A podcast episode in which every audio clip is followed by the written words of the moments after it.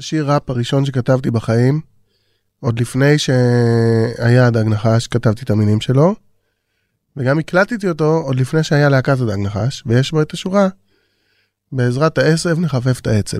כולם יכולים לרקוד עכשיו, לחיות בתוך הקצב.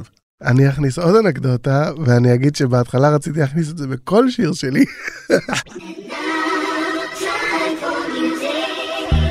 וויד, פעם ראשונה כיתה ח' או ט' או י', זה היה נורא קשה להשיג את זה. דיברו על איזה קוריאני אחד שאפשר לפגוש אותו באיזה פאב, באיזה שעה, וגם הוא לא הסכים למכור לך רק אם תבוא תעשן אצלו.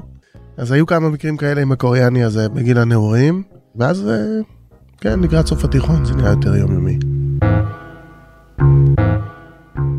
כולם מעשנים וויד. טוב, לא כולם. 28% מבני ה-18 עד 65 בישראל מעשנים.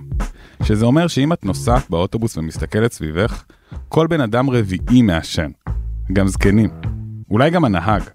על פי נתונים של האו"ם, ב-2017 ישראל הייתה במקום השלישי בעולם בצריכה לנפש. כי ישראלים מתים על וויד. ולא רק ישראלים. מדינות שעד לא מזמן נלחמו בצמח התהפכו לגמרי והפכו אותו לחוקי.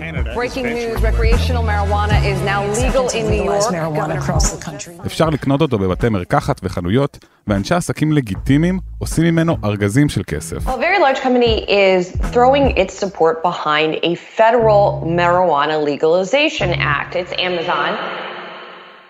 אז מה הקטע עם הצמח הזה? אני יובל ברגר, ואתם מקשיבים לשבע שאלות על קנאביס, פודקאסט חדש מבית הארץ, על הצמח הכי מושמץ בהיסטוריה.